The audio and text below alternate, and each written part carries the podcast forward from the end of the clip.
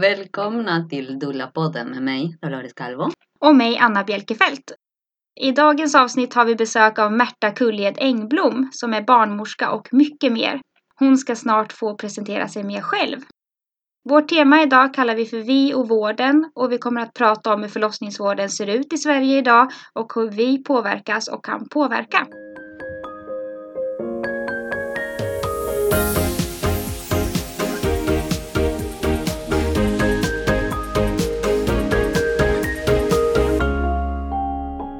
Välkommen! Tack! Vem är du? Berätta, Ja. gärna. Eh, Jag heter Märta och jag är barnmorska, hembarnmorska, dola eller barnmorskedola som jag kallar det för. Jobbar även som skolsköterska. Eh, Jag har en egen stor familj. Och sen så driver jag även en, eh, en av Sveriges mest lästa barnmorskebloggar får man väl ändå säga på Mhm. plattformen Föda med stöd. Varför blev du barnmorska? Och varför blev du doula? Fan. Ja, jag först- det är intressant. Nej, men, eh, jag var 19 år och var backpacker i USA, åkte på resa. Jag kom till New Mexico och träffade väldigt många kvinnor som hade fött barn hemma. Och då hade jag ingen aning om the alternative movement och Ina Ina May Gaskin och allt det där. Som jag nu vet mycket om. Eh, utan jag blev bara väldigt eh, fascinerad. Eh, de här berättelserna som jag inte hade liksom, jag hade inte fått ta del av några sådana berättelser i Sverige. Och jag minns ett ögonblick när jag fick eh, eh, titta på ett fotoalbum från bilder, en hemfödsel. Eh, hon hade fött sitt första barn hemma. Och det var så starkt just det ögonblicket. Och jag minns att jag tänkte, tänk att få vara en auktoritet i det. Att få vara en person som kommer och är med och vet vad man ska göra under en förlossning i hemmet. Där föddes min jättestarka lust att vilja bli barnmorska. Så när jag kom hem, då var det bara så. Jag skulle bli barnmorska. Du hade aldrig funderat på det innan? Nej, egentligen Nej. inte. Häftigt! Mm.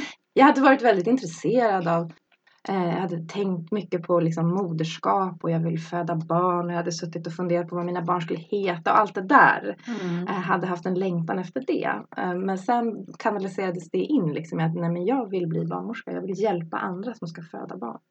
Så jag åkte hem och trodde att jag skulle bli en midwife. Um, och så förstod jag snabbt att nej men i Sverige behöver man bli sjuksköterska för att bli barnmorska. Det var min första sådär, jaha varför då? Ja, ja, nej men okej, så är det i Sverige. Så då blev jag sjuksköterska. Det var periodvis lite jobbigt tyckte jag att vara sjuksköterska. Det var ju barnmorska jag ville bli, eller att läsa till sjuksköterska. Tyckte jag ibland var lite småtråkigt, men det fanns också jätteroliga delar av utbildningen. Det är precis så jag har tänkt när jag har velat fram och tillbaks. Att Ja. jag är inte så sugen på att läsa just till sjuksköterska först. Nej. Jag vet att i andra länder kan man läsa direkt till Ja. barnmorska, bland annat Danmark har jag hört. Ja, och man diskuterar ju nu i Sverige om man ska göra en direktutbildning till barnmorska. Och det är jag starkt för, för att när man läser till sjuksköterska så är det ju ett spår, man blir sjuksköterska. Och hela den här midwifery-biten, hela den här barnmorskebiten ska liksom vara som en liten påbyggnadsutbildning. Fast egentligen är det en helt ny utbildning. Ja. Klart att man använder sig av många av sina kunskaper man fick som sjuksköterska. Men det är något jättestort ämne som man ska ta in på så extremt kort tid. Så att det blir ju lite att man blir en obstetric nurse i Sverige. Eh, Det visste inte jag då när jag slog in på den banan. Sen fick jag eh, egna barn. Jag, fick, jag hade tre barn när jag sen till slut började läsa till barnmorska. Men jag var ändå ganska ung, för jag fick barn när jag var ung. Så att jag var färdig barnmorska när jag var 30 år. Och ja, det, jag skulle kunna prata i tre timmar om det här. Ja, men gör det. Nej, men, hur det var att, liksom, att gå från att det här ganska i efterhand framstår som ganska naivt och tänka att jag ville bli en sån där barnmorska, en midwife, en som jag hade sett på bilderna i det här albumet till att möta svensk förlossningsvård eh, och kulturen här, vad det, var, vad det innebar att vara en svensk barnmorska. Första passet jag gjorde på förlossningen som barnmorskestudent, det var liksom eh, ganska chockartat. Jag hade kom där med, med all den här romantiska längtan då som framstår som naiv i efterhand för att få vara med och hjälpa till den här stora stunden och så möttes jag av den här avdelningsjobbet, det här ganska pragmatiska logistiken, hur man, hur man eh, gör på en förlossningsavdelning. Vi kom in till ett, i ett föderum där det skulle läggas en EDA. Det var liksom det absolut första jag fick av svensk förlossningsvård. Och jag skulle stå och hålla i en dosa och det var liksom bara kändes bara tekniskt allting. eh, Väldigt, eh, Det var inte ett dugg romantiskt. Det kändes mest lite... Jag kände mig väldigt i vägen. Och jag minns att jag kom ut från det passet och bara hade liksom gråt i halsen. Mm. Vad, vad är det här för någonting som jag har mött? Och då hade jag ändå fött tre barn själv. Och det är ju liksom... Där hade jag ju också mött, mött svensk förlossningsvård. Så det var inte helt nytt, men ändå. Det var en chock. Jag blev ju barnmorska ändå. Tog mig igenom det och jag ska säga att det var också många väldigt fantastiska stunder för jag fick ju möta det här stora. Att vara med när kvinnor och deras partners får sitt barn. Jag fick ju verkligen möta det här stora också inom svensk förlossningsvård. Och så började jag jobba på förlossningen i Uppsala. Men jag sökte mig vidare. Kom till BB Stockholm. där Jag jobbade ett tag och sen så eh, sökte jag mig till Södra BB innan Södra BB la ner. Han jobbade där ett tag. Jag ska säga på både BB Stockholm men, men framförallt på Södra BB så fick jag liksom en, en annan känsla för normal förlossning, normal födsel. Vad det är för någonting. Det var liksom första jag verkligen blev trygg i det. Det är inte så att man kommer ut från barnmorskeutbildningen. Jag gjorde inte det i alla fall. Och var helt, jag kan inte säga hur det är för alla andra. Men för mig var det inte så. Jag kom inte ut och var helt trygg med vad en normal födsel är för någonting. Hur krystar man i normal födsel? Vad, liksom, vad är forcerad kryssning? Vad är oforcerad kryssning? Jag hade inte lärt mig liksom skillnaden. Jag hade lärt mig hur man gör på eh, förlossningsavdelningar i Sverige. Men jag hade inte fått den där starka känslan för vad en normal födsel är. Och det fick jag när jag jobbade på Södra BB. För där fanns den kunskapen, den var väldigt levande. Så att när Södra BB la ner, um, vilket ju var helt hemskt för mig personligen, för att där kände jag att där kunde jag, där ville jag vara, där ville jag jobba, där kunde jag pensionera mig. Och så, så var det liksom bara ett och ett halvt år jag fick på Södra BB. Uh, ehm, Då, jag gick in i en djup kris då, personlig kris efter att Södra BB la ner. Men det mynnade ut i något väldigt, väldigt positivt. För att innan jag kom till den här krisen som blev, det var inte bara jag som krisade, det var väldigt många barnmorskor då som gjorde det. Innan så hade jag varit ganska arg bitvis över hur förlossningsvården ser ut i Sverige. Det här att vi så ofta inte fick den tid man som barnmorska behöver för att kunna ge födande kvinnor stöd. För det är då man kommer till sin rätt som barnmorska, om man får vara närvarande. Om man inte bara behöver tänka på avdelningslogistiken, att ja men nu ligger eh, någon där, nu måste jag springa dit och göra det och nu sen måste jag gå dit och sen, sådär. Om man verkligen kan få vara närvarande, det är då man kommer till sin rätt. På Södra BB var ju själva konceptet att man hade en födande i taget, en åt gången. Så man, man kom till sin rätt, man kunde verkligen göra ett bra jobb, det var min känsla. Och jag hade varit ganska arg och försökt på något sätt eh, ja, lufta de här känslorna då. Men det hade inte blivit så konstruktivt. Eh, ilska när, den- när den kanaliseras fel blir lätt ganska destruktiv. Och, eh, och man blir arg men och då blir folk bara arga tillbaka. Så. Och jag kände ganska snart efter att Södra BB lagt ner att jag måste hitta ett sätt där jag kanaliserar det här rätt. Den här, driv, den här drivkraften blir något konstruktivt. Det här jag vill göra, det här jag vill åstadkomma. Eh, Och då fick jag också förfrågan om att vara med på min första hemfödsel. När var det här ungefär? Det här var för exakt två år sedan. Mm. Och då när jag fick den frågan om att vara med på min första hemfödsel, då blev jag bara helt jätteglad. Det var, kändes bara, ja men, ja, det var en stor ära att få bli inbjuden såklart. Jag tvekade in, inte en sekund, tackade jag direkt. Och då var det som att det hände någonting i mig. Då började jag tänka på att ja, men jag kan ju eh, vara med på hemfödslar och börja med det och sen kan jag ju också vara med som doula under födslar. Hade du träffat några doulor då i ditt arbete som barnmorska? Mm, jag hade faktiskt inte haft sån erfarenhet själv av att ha en annan doula med på förlossningsrummet. Men jag visste ju om och jag kände en doula, Karin Johansson, förlossningspedagogen. Mm. Henne kände Mm. jag. Så att jag stämde en träff med henne och vi hade ett möte där vi diskuterade lite och jag ville liksom höra lite hur det var att ha eget företag och hur man, hur man gör när man, när man är doula, hur ett uppdrag, hur det ser ut, hur upplägget och sådär. Så på den vägen är det. Det var i den vevan jag startade min blogg också. Och för mig var det liksom, det är ingen stor skillnad det här att ha, um, eftersom i förlossningsvården som den ser ut i Sverige idag så är det på så få ställen där man verkligen får vara närvarande i förlossningsrummet som barnmorska. Och det var det jag ville vara för jag såg hur stor skillnad det, det gör för de födande när man är där. Och då om jag behövde vara dola för att få vara med i förlossningsrummet, ja men då kunde jag väl vara det. Ja vilken etikett man sätter på mig om jag är doula eller barnmorska, det är liksom eh, sekundärt för mig. Det viktiga för mig är att jag får vara med på födseln. Mm. Så. Mm, men hur skiljer sig de olika jobben åt? Ja, att vara doula och Mm. barnmorska. Ja, men framförallt är ju det här att eh, när man är barnmorska, det som premieras är ju om man blir proffs på avdelningslogistik, att hantera många olika bollar hela tiden. Det kommer in, det är ett ständigt flöde av födande in, det är kontroller, vattenavgångskontroller och man måste bli ett proffs på att liksom jonglera det här. Den uppgiften att till exempel sitta som koordinator på en förlossningsavdelning, det är inte det jag tycker är det jag tycker inte att det är så roligt. Jag tycker inte att jag kommer till min rätt som barnmorska. Det, hela den biten slipper man ju om man till exempel väljer att, att vara som doula istället och ta uppdrag. För då får man ju vara kvar på förlossningsrummet. Så det, det skiljer sig på det sättet att man inte behöver ta hänsyn till avdelningslogistiken behöver man inte prioritera före födande kvinna. Jag får helt enkelt prioritera kvinnan som föder och liksom tar, det är ett kvinnocentrerat förhållningssätt, arbetssätt. Man är där bara för den födande kvinnans skull. Mm. Och det är fokus nummer ett. Jag tycker att man kan se att det finns lite olika ingångar i födandet. Och vi som doler möter ju ofta att man från sjukhusets sida tänker att ja, men, vi behöver hjälpa till för att annars kommer det inte här att gå. Mm. Medan vi som doler ofta tänker att ja, men, den här kvinnan kan föda sitt barn och vi är Mm. där som stöd. Vad tänker du kring de här olika ingångarna?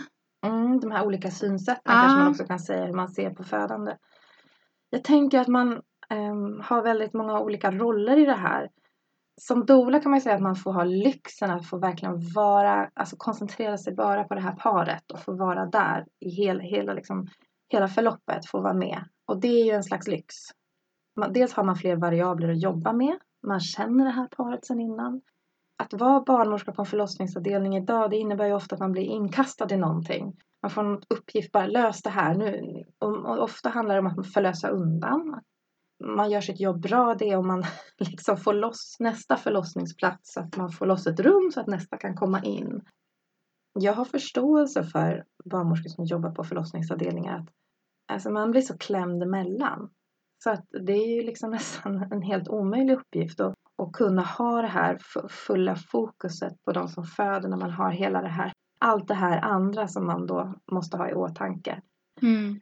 Så jag tror att man, så har i alla fall jag själv upplevt att jag ibland behöver stänga av lite för att kunna orka jobba som barnmorska på en väldigt eh, full förlossningsavdelning där det är ett högt tryck.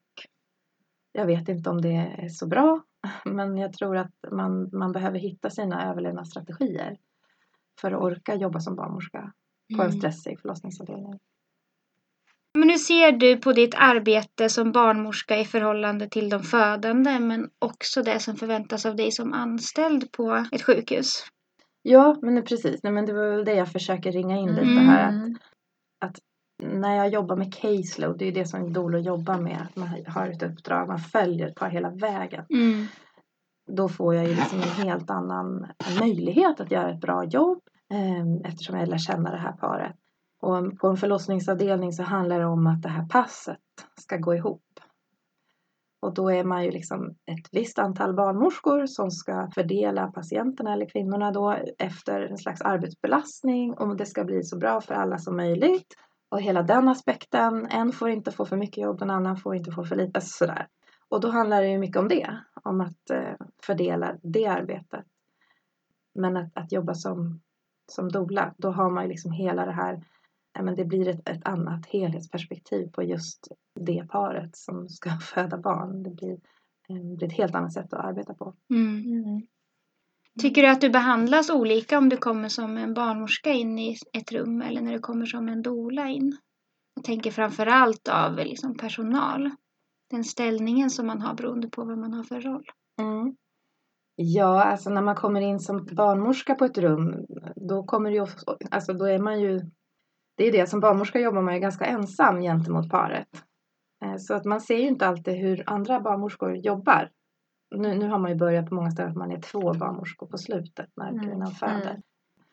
När, när jag är med som doula då, då slinker jag ju in på sjukhuset med paret Och det är klart, då kommer jag ju in, då har jag en helt annan ingång till, liksom, till förlossningsavdelningen. Jag är ju där på andra premisser än när jag är där som barnmorska. Så det är klart att det är två olika roller. Nu är jag ett lite känt ansikte i de här sammanhangen. Så när jag kommer in som doula är det ju många som känner igen mig. Jaha, men det där är ju Märta som är barnmorska egentligen, men nu som doula. Eh, och då vet man ju liksom om mig och vem jag är. Förväntas du då kunna svara på de födandes frågor på ett annat sätt för att de vet att du kommer dit och också är utbildad barnmorska? Du menar gentemot personalen? Ja, kan det bli ibland när du dolar att du känner så här, men nu har jag också lite medicinskt ansvar här? Nej, nej, inte alls så. Eh, jag, jag upplever att jag har fått ett väldigt respektfullt bemötande av personalen. Att de är väldigt fina och inkännande och respektfulla. Att de inte alls har eh, krävt att jag ska liksom komma med någon medicinsk input och så. Utan att de har liksom förstått att jag verkligen är där i min roll som Mm. doula. Mm. Mitt stöd. Det har, det har faktiskt känts väldigt bra de Mm. gånger jag har kommit som doula. Är det svårt att inte liksom flika in med sådana grejer när det börjar diskuteras om någon specifik sak? Ja, alltså precis. För det, det har nog oftare hänt att paret som föder har en sån, eller kvinnan som föder har en sån tillit till mig och vet att jag är barnmorska. Så hon kan ibland vända sig till mig för en second opinion. Jaha, men Märta, vad tycker du om det här? Ska man sätta skalp nu? Och då har det ju blivit några gånger när jag, då får man ju vara väldigt listig och liksom inte så att man kommer emellan någonting där. Där man kan föreslå, ja, jag skulle ha tänkt så här, att man kanske inte behöver, att man snarare peppar kvinnan då Mm. i, i hennes beslut. Så får hon då säga till den barnmorskan som är ansvarig. Men jag tänker så här, men vi kanske väntar lite nu. Men om Märta håller den här dosan på magen så att vi verkligen kan registrera barnets hjärtljud. Mm. Då kanske vi inte behöver sätta en skalp just nu. Mm. Och då kanske man snarare kan stärka kvinnan i det beslutet. Att det är okej. För mig är det okej. Att du tänker så. Jag skulle också ha tänkt så. Mm. Så, att det, så att kommunikationen hela tiden får bli mellan paret som föder och personalen. Mm. Inte att jag, utan att, det är de, att jag stärker dem i deras beslut. Mm. Det är mycket det som är att vara doula. Mm. För det tycker jag att man kan uppleva lite ibland sådär att ehm, paret eller de födande frågar en själv som doula men vad tycker du om det här? Mm. Och då kan barnmorskorna om de är i rummet kolla lite på en så här, ska hon nu säga vad hon tycker? Och därför eh, tänker vi att det är så viktigt att man har en bra förberedelse innan så att man vet också men det här var de önskemålen som de här hade från början och att man kan prata utifrån dem. Just det. Och där tänker jag, det leder oss in på nästa fråga som är lite det här att vi som doulor ibland kan Mm. uppleva att barnmorskorna känner sig granskade när vi är där. Mm. Vad tänker du kring det? Ja, alltså jag tänker att jag kan, jag kan förstå det. Eh, för att jag vet hur klämd emellan man är som barnmorska. Mm. Det är så mycket man ska hinna med. Så jag kan verkligen liksom förstå att, att det kan kännas som en ytterligare nästan en belastning när man kommer in i ett rum och så, så sitter en doula där. Ja. Och, och, man har liksom allas ögon på sig. Dels så måste man göra de här medicinska riskbedömningarna. Ingenting får gå fel. Man ska försvara alla sina beslut inför kanske läkaren som är medicinskt ansvarig kanske för just den födseln om det är komplicerat. Och, och så sitter en doula och så, alltså, ja, så. Så jag kan, Mm. jag kan förstå det. Att man kan känna sig lite granskad. Och det, men, men det är lite synd för att egentligen så ska man som barnmorska bara tänka att vilken, vad fint, vilken resurs att det är en doula här. Det är Mm. helt fantastiskt. Vi har en till person som bara är här för att vara med som stöd. Och så ska man liksom ta med dolan i sitt arbete och verkligen göra det här till en bra grej. Mm.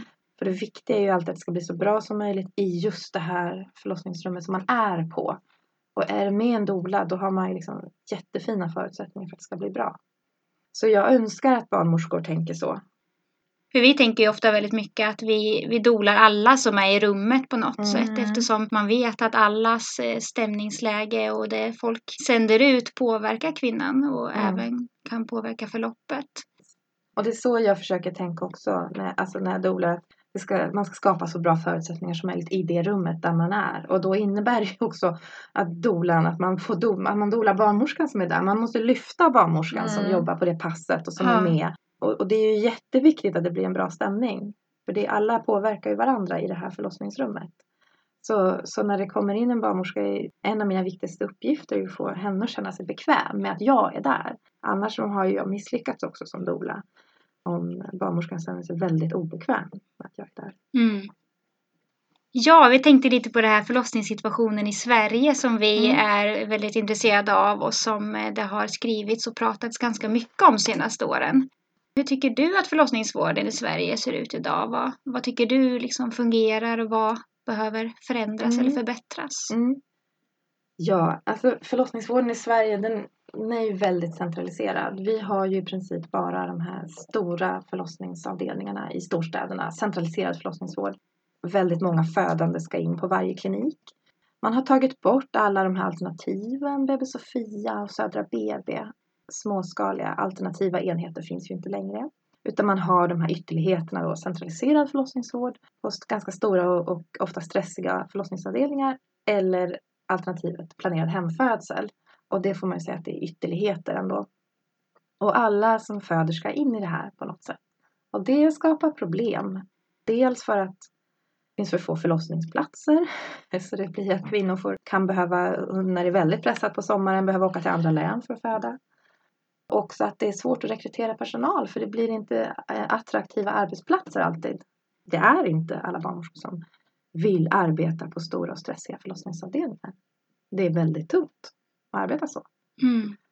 Jag tror tyvärr att vi bara har sett början på en lite tråkig utveckling om man ska säga så inom förlossningsvården. För att så som det ser ut just nu, eh, det kommer liksom inte att hålla tror jag. Det kommer fortsätta att väldigt erfarna barnmorskor slutar, hoppar av förlossningsvården. Och det blir ännu färre bemannade vård, liksom förlossningsplatser. Så på ett sätt är det liksom ganska dystert. Samtidigt har vi ju liksom medicinska resultat i världsklass. Och det är ju det här som många sliter sitt hår för. De kan liksom inte förstå hur kan alla de här, hur kan man klaga över att det är kris i förlossningsvården när vi har de här medicinska resultaten i världsklass. Det, det går ju liksom inte ihop. Men då behöver man tänka att man kan inte värdera förlossningsvården bara utifrån medicinsk statistik. Vilket man, man gör. Man titt, det är liksom det enda man tittar på. Det är den kvalitetsindikator man har. Medic, om den medicinska statistiken är bra, då är ju förlossningsvården bra. Men det är inte så enkelt. Man måste ha andra kvalitetsindikatorer för Mm. vad som är bra förlossningsvård. Mm. Som till exempel. Som till exempel eh, mäta stöd, närvaro, upplevelse. Och det har man ju börjat försöka med. Mm. Men det, det är svårt. På BB Stockholm kommer jag ihåg att vi mätte närvaro på rummet. Det till slut blev det ju nästan då skulle man fylla i ett papper var jag när, när man var närvarande. Och sen till slut när man hade det så stressigt så glömde man ju fylla i det där pappret. Mm. så jag minns liksom efter stressiga pass fick man sitta liksom, var jag närvarande eller var jag inte? Var, eh, hur var det nu? Var den här Mm. kvarten? Ja. Och det var inte bara på BB Stockholm, det var ju på, hela, på kliniker i hela, hela Stockholm som man, man försökte. Och det visar också på svårigheten att, att ringa in och mäta sådana saker. Det är inte så lätt. Det är lättare att mäta liksom, eh, pH-värdet i blodet än att mäta de här mjuka värdena. Och till exempel hur, hur man eh, vasar sin födsel efteråt. Man be- ber ju kvinnorna att eh, skatta sin förlossningsupplevelse och då ska man ju ge en siffra då från 0 till 10. Och det är också svårt, för det har visat sig att eh, kvinnor skattar sina upplevelser annorlunda beroende på när man frågar dem. Man frågar dem dagen efter, om det har gått några månader, om man har hunnit bearbeta den här upplevelsen. Det är svårt, men, men vi behöver ta in den aspekten, för det är precis där, där vi inte, det är där det skär sig. Ja, och jag minns em, att um, det var för ett år sedan kanske höll du en presentation på symposiet Kvinnans inflytande över sin vård inom obstetriken. Mm. Mm.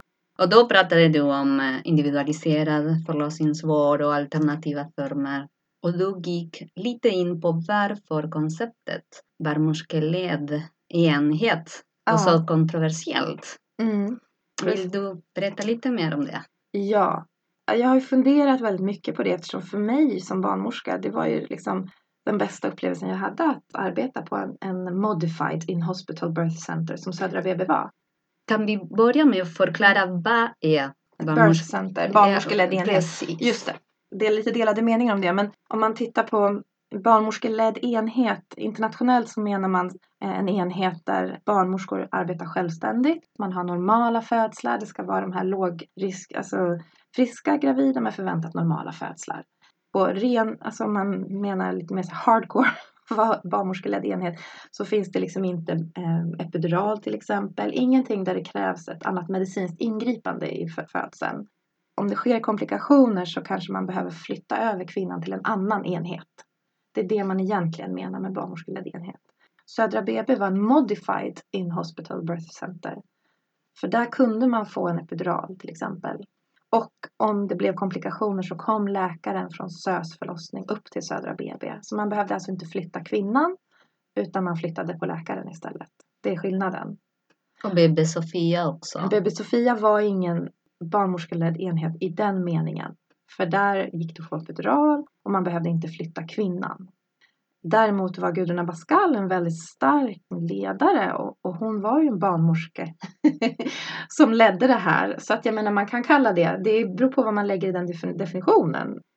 Om man tittar på det i forskningssammanhang då är det det, det, är det här man menar. Flyttar man kvinnan eller flyttar man läkaren? En renodlad barnmorskeledd enhet då flyttar man kvinnan. Och det är det jag har funderat mycket på varför det är så svårt i Sverige. Det är liksom rött skynke för i alla fall obstetrikerna det här med barnmorskeledd enhet. Och jag har kommit fram till när jag har funderat det att det är för att det antyder en positionering som om vi barnmorskor kan klara oss helt själva. Som om vi kan verka helt isolerade från andra professioner. Och det vet vi ju att ingen kan bedriva bra förlossningsvård helt isolerat.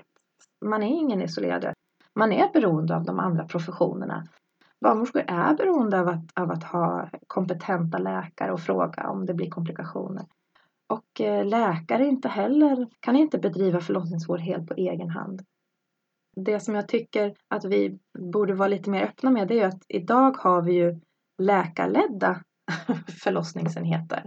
pratar man ju inte om. Man pratar, det är ju för att det, maktstrukturen ser liksom ut så. Det är bara helt självklart. Mm. Men när man börjar säga barnmorskeledda enheter då sticker det jättemycket i ögonen. Och det är för att det antyder en maktpositionering bort från läkarledda enheter. Ja. Förstår ni? Mm. Så viktigt att lyfta fram och verkligen prata om. Ja. Mm, maktfråga. Mm. Ja, det är, det är en maktfråga. Mm. För att när jag sa det här till en läkare, men ja men idag har vi ju läkarledda enheter, då, då blev den läkaren, ja just det, Helt, mm. För det hade hon inte funderat på. Nej. Nej. För det de flesta är barnmorskor som jobbar. Ja. På, så, ja, men. Det är barnmorskeledda enheter, alltså där man flyttar kvinnan istället för läkaren. Det kommer, tror inte jag vi kommer få se i Sverige på många, många år. Däremot, vi, vi måste bli bättre på att jobba i team. Och det var det tog jag också upp på det här symposiet om individualiserad förlossningsvård. Men då måste man också fördjupa vad innebär att jobba i team runt en, en födande kvinna. Ett teamwork, är det ohierarkiskt till sin struktur? Nej, det är oftast väldigt hierarkiskt. Men när teamwork uppfyller sitt inneboende syfte, då är det ohierarkiskt till sin struktur. Och så gav jag också det här exemplet att jobbar vi i team runt planerade hemfödslar? Alltså jag har aldrig varit med om, i Sverige det är så otroligt svårt att få få till teamwork runt planerade hemfödslar. Alltså till exempel eh, de läkemedel man som barnmorska behöver. Det behöver jag ju få en läkare som skriver ut. Jag efterfrågar mer teamwork runt födande kvinnor, inte mindre. Mm. Till exempel behöver vi mer, en, en större tvärprofessionell förståelse för hemfödslar. Vi behöver mer teamwork runt hemfödslar, inte mindre. Mm till exempel. Men man, ofta pratar man ju bara om teamwork utifrån någons perspektiv. Mm. Och då menar man det här jobbet på sjukhuset. Att barnmorskor, och ofta kanske ligger det lite dolt att barnmorskor ska inte tro att de kan jobba självständigt för här jobbar vi i team. Mm. Mm. så. Men, men jag menar att... Och jobba i team betyder... betyder att läkaren mm. alltid har det största ansvaret och alltid ska få vara inblandad i allting. Ja. Det har ju liksom blivit ett kodord för det. Teamwork Mm. Vad funkar bäst? Teamwork. Ja, exakt. ja, men liksom, det, har ju, det är så roligt för att det har ju nästan blivit som ett mantra att här jobbar vi i team och man ser det på alla de här eh, alla jobbannonser. Vi söker en barnmorska och här jobbar vi i team och det är liksom en peak. Här ska du inte tro att du ska komma som barnmorska och jobba självständigt. Mm. Och det är det jag menar att det där är ju liksom, där är ju jättefånigt. Vi behöver ju komma väldigt mycket längre i vårt resonemang om vad är ett riktigt teamwork. För om det är någonting jag efterlyser så är det ett, ett riktigt teamwork mer. av det runt födande kvinnor. Vi har eh, ett uruselt teamwork på många ställen runt till exempel planerade hemfödslar. Mm. Och friska omföderskor som vill ha alternativ. Eh, men det kan bli mycket bättre. Och ofta, det är inte illvilja som ligger bakom det utan det är okunskap ofta. Mm. Ju mer man fördjupar sig inom de här frågorna så förstår man att det är liksom aldrig illvilja. Det kan vara maktstrukturer men ofta så är det okunskap. Det behöver jag nog påminna mig ibland när min eh, ilska svämmar över kring de här sakerna. Att veta att det inte handlar om illvilja utan okunskap som du nämner. Ja, Ibland handlar det lite om ja. Nej, men ibland kan det handla om, eh, om vem Mm. det är som bestämmer. Man behöver- får inte vara naiv och, och tänka att det inte finns maktstrukturer i vården. För det finns ju otroligt starka maktstrukturer och det finns normer. Och, och normer är väldigt bestämmande. Men det kan vara en hjälp för en själv att alltid försöka eh, att inte bli, att, att den första impulsen kanske är att bli arg men att försöka hejda den impulsen och tänka att ja, men det här kanske inte beror på att den här personen menar illa utan att det här beror på att den här Mm. personen kanske inte har all kunskap. Mm. Det blir lite ödmjukare inställning som ofta hjälper en själv vidare. Ja, absolut. Eh, hur tänker du då Märta kring de här rutinerna som finns på sjukhus? Tänker du samma kring dem om du dolar eller om du är barnmorska eller om du är på ett sjukhus eller om du är på en hemfödsel? Det som händer när man börjar jobba som hembarnmorska det är att man får man börjar liksom tänka själv på ett helt annat sätt. Eh, man utvecklas ju så enormt i sin profession. Alltså de här rutinerna som finns på sjukhus och nu när vi pratar om rutiner då tänker jag att ni pratar om man sätter nål, man tar bastest, man kör en intagningsCTG på Ja. 20 minuter på alla. Man kan, hinner liksom inte hålla på och tänka, "Ha, vad ska du ha, vad ska du, utan man gör de här sakerna ja, på rutin helt enkelt. Ger synt efter Mm. äh, syntocinomsprutan Utan och att K-vitamin. fråga. Utan att fråga. Mm. Man gör saker på rutin. Mm. När man börjar jobba som hembarnmorska eller doula så liksom börjar man ju tänka på ett annat sätt. Man börjar tänka på hur, hur vill det här paret ha det. Och det får vara vägledande, inte de här rutinerna. Sen kan jag förstå att när man jobbar som barnmorska på en stressig förlossningsavdelning, det handlar så mycket om att bara klara, att klara av sitt pass. Så det, det, går, det blir liksom, det kan ju vara en hjälp att bara göra de här sakerna. Och när det blir för stressigt, då hinner man liksom inte hålla på och finlira och ja, då sätter man nål på alla kanske för att man är rädd för att missa något. Om man inte gör allting så är man rädd för att missa någonting. Ofta så kräver det ju att man är fullt närvarande om man ska frångå vissa rutiner. Men nu, du får säga frågan igen för jag spårar liksom ut. Nej, men vi bara lyssnar och bara ja, prata mer, prata mer. Nej, men jag tänker hur du ser på de här rutinerna, att de finns och vad, Mm. vad kan de liksom, hur kan de påverka förloppet och upplevelsen? Och... Mm. Ja, alltså rutiner, det finns ju olika rutiner så egentligen skulle jag behöva gå igenom vad jag tycker om de olika. Mm. Det som jag tycker är allra viktigast, som man alltid måste ha i åtanke eh, när man arbetar som barnmorska, det är att det krävs samtycke för allt. Ja.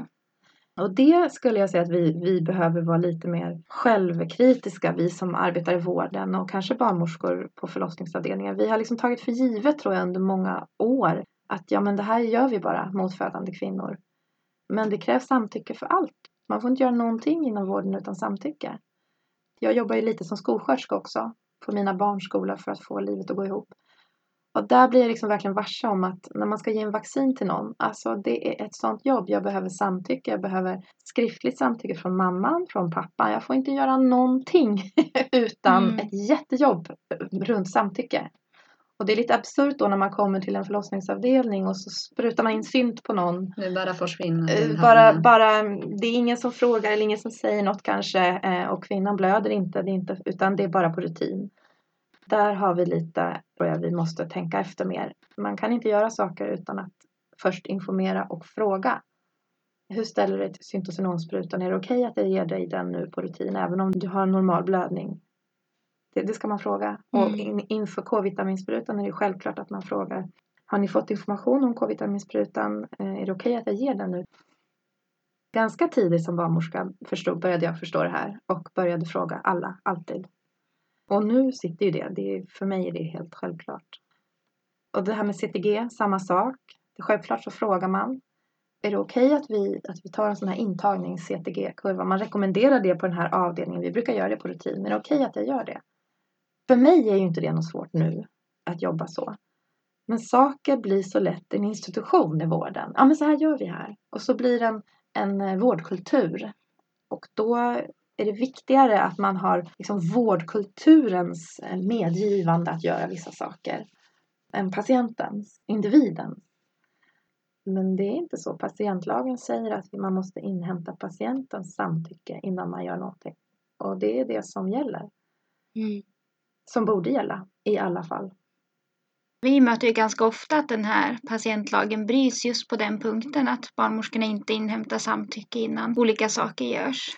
Och många som anlitar oss är omföderskor och det är nästan ingen som nämner att men, smärtan var fruktansvärd eller saker som har med liksom, själva upplevelsen av förlossningen i sig, födseln.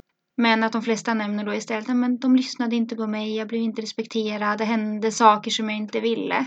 Mm. Och vi får ju också ofta stoppa till exempel, men vänta lite nu, nu måste vi kolla här om hon ville det här. Vad tänker du liksom anledningen till att det Nej, jag tänker så? att det jag upplevt själv är ju liksom att den här vårdkulturen, det är den som har på olika ställen, den ser olika ut på olika sjukhus men på vissa sjukhus, jag har jobbat på olika, ganska många olika sjukhus, så är det liksom väldigt starkt att här gör vi så här, här förlöser vi kvinnor halvsittande. Och då är det väldigt starkt och då har man liksom, ja men så här har vi alltid gjort.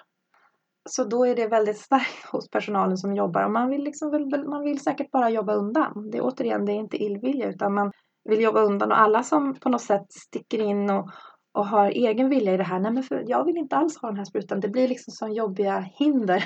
Det blir störande mm. att någon tänker lite annorlunda än, än hur man brukar göra på förlossningsavdelningen.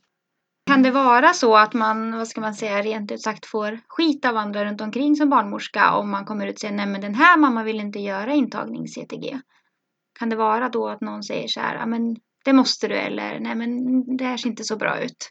Ja, absolut. Alltså det är ju så när man, att man, när man jobbar på sjukhus och när en kvinna kommer in i förlossningen då är man ju liksom, ja då är man ju sjukhuset på något sätt. Det finns ju en sån kultur. Tyvärr så blir det ju ofta kvinnorna som, som kanske då säger nej, tackar nej till intagningsCTG ganska misstänkliggjorda. Mm. Um, jaha, varför då? Och om någon säger, tackar nej till K-vitaminsprutan som man har all rätt att göra då ska det liksom bli en sån stor grej. Då ska det vara då ska barnläkaren komma och hålla en föreläsning och det ska liksom hit och mm. dit och jag menar Ja, det är helt orimligt tycker jag. Jag har varit med om det några gånger med mm. födande och då har de precis fått sitt kanske första lilla barn och är mm. helt i, i liksom... Och jag menar det är klart om det var, det jag kan förstå om det var till exempel att det livsuppehållande behandling, om det var andra saker, alltså om det var väldigt viktiga saker att till exempel en, en mamma och pappa förvägrar sitt barn att få blod av religiösa skäl. Jag kan förstå att, att det kan bli en jättediskussion om det, om det är någonting som hotar barnets liv. Men om det är en K-vitaminspruta som föräldrarna tackar nej till, där barnet har kommit ut, förlossningen har gått bra, barnet är friskt, det, det, är mest en rutinspruta. Man vet ju att det här hjälper några få. Framförallt är det väl kanske som har kommit ut med hjälp av sugklocka. Där finns en ökad risk för blödning. Det är därför man ger.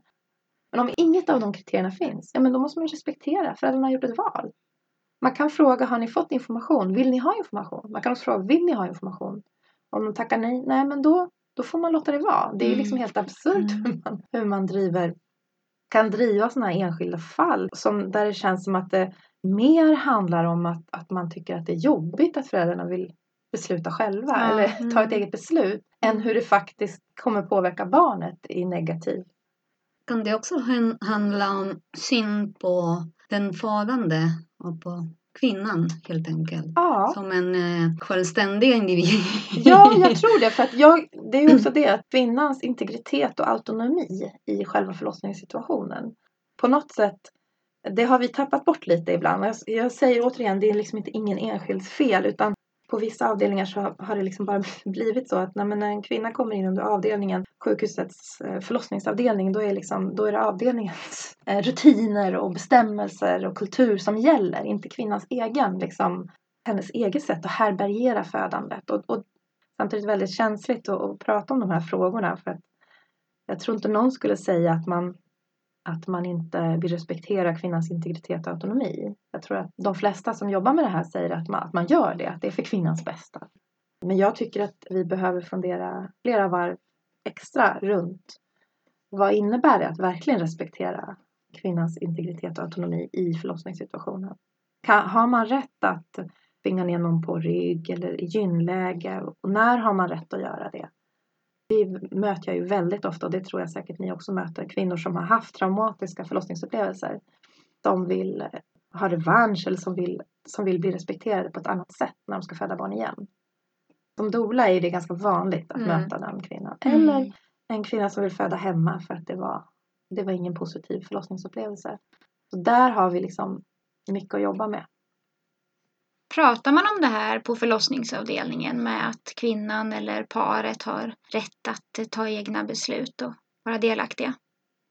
Ja, det gör man och jag tror att den diskussionen den kommer mer och mer. När jag kom till Stockholm och började jobba på BB Stockholm så blev jag väldigt glad, alltså glad och positiv överraskad. För jag tycker att det var, det var liksom, där var den diskussionen väldigt levande. Att kvinnorna har rätt att bestämma över sina födslar. På BB Stockholm arbetar man också aktivt med upprätt födande till exempel. Så det var väldigt positivt för mig att möta det och det finns verkligen bra, bra ställen och det finns bra, det finns många barnmorskor som verkligen försöker lyfta de här frågorna och driva dem. Så jag tycker ändå att vi har kommit en bit på vägen även om det finns mycket mer att jobba med med de här frågorna.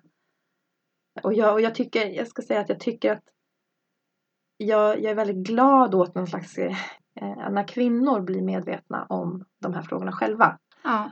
Och det, sociala medier tror jag faktiskt har varit lite hjälp här de här sista åren när det har skapats grupper och man hjälper varandra helt enkelt eh, och hämtar information också. Mm. Så det är något väldigt positivt när kvinnor vet sina rättigheter på mm. många sätt. Hur man har rätt att, vad man kan förvänta sig egentligen av förlossningsvården. Ja, det ser jag som en väldigt stor del eller viktig del av vårt arbete som dolor att eh, stärka kvinnorna och eventuella partner i, i sin roll gentemot sjukhuset eller som ett slags samarbete med de som jobbar på sjukhuset. Att mm. man inte hamnar i, i, deras makt för att man är i deras lokaler utan att man, man har faktiskt rätt att tacka ja och nej till saker och, och vara ja. med och bestämma. Mm. Precis, och sen det här vi, ibland kan man känna en sån här att kvinnor inte vet sitt eget bästa och sådär. Och det, det måste vi komma bort från helt. För ja. att, så, mm. um, det här att man ska liksom föreläsa och undervisa kvinnor för att de, de förstår inte utan tvärtom tror jag man ska berätta så öppet som möjligt om de alternativ som finns. Och sen måste man respektera kvinnans beslut, eget beslut eh, runt sin egen födsel. För kvinnor har liksom verkligen resurser och kapacitet att ta, ta sådana beslut.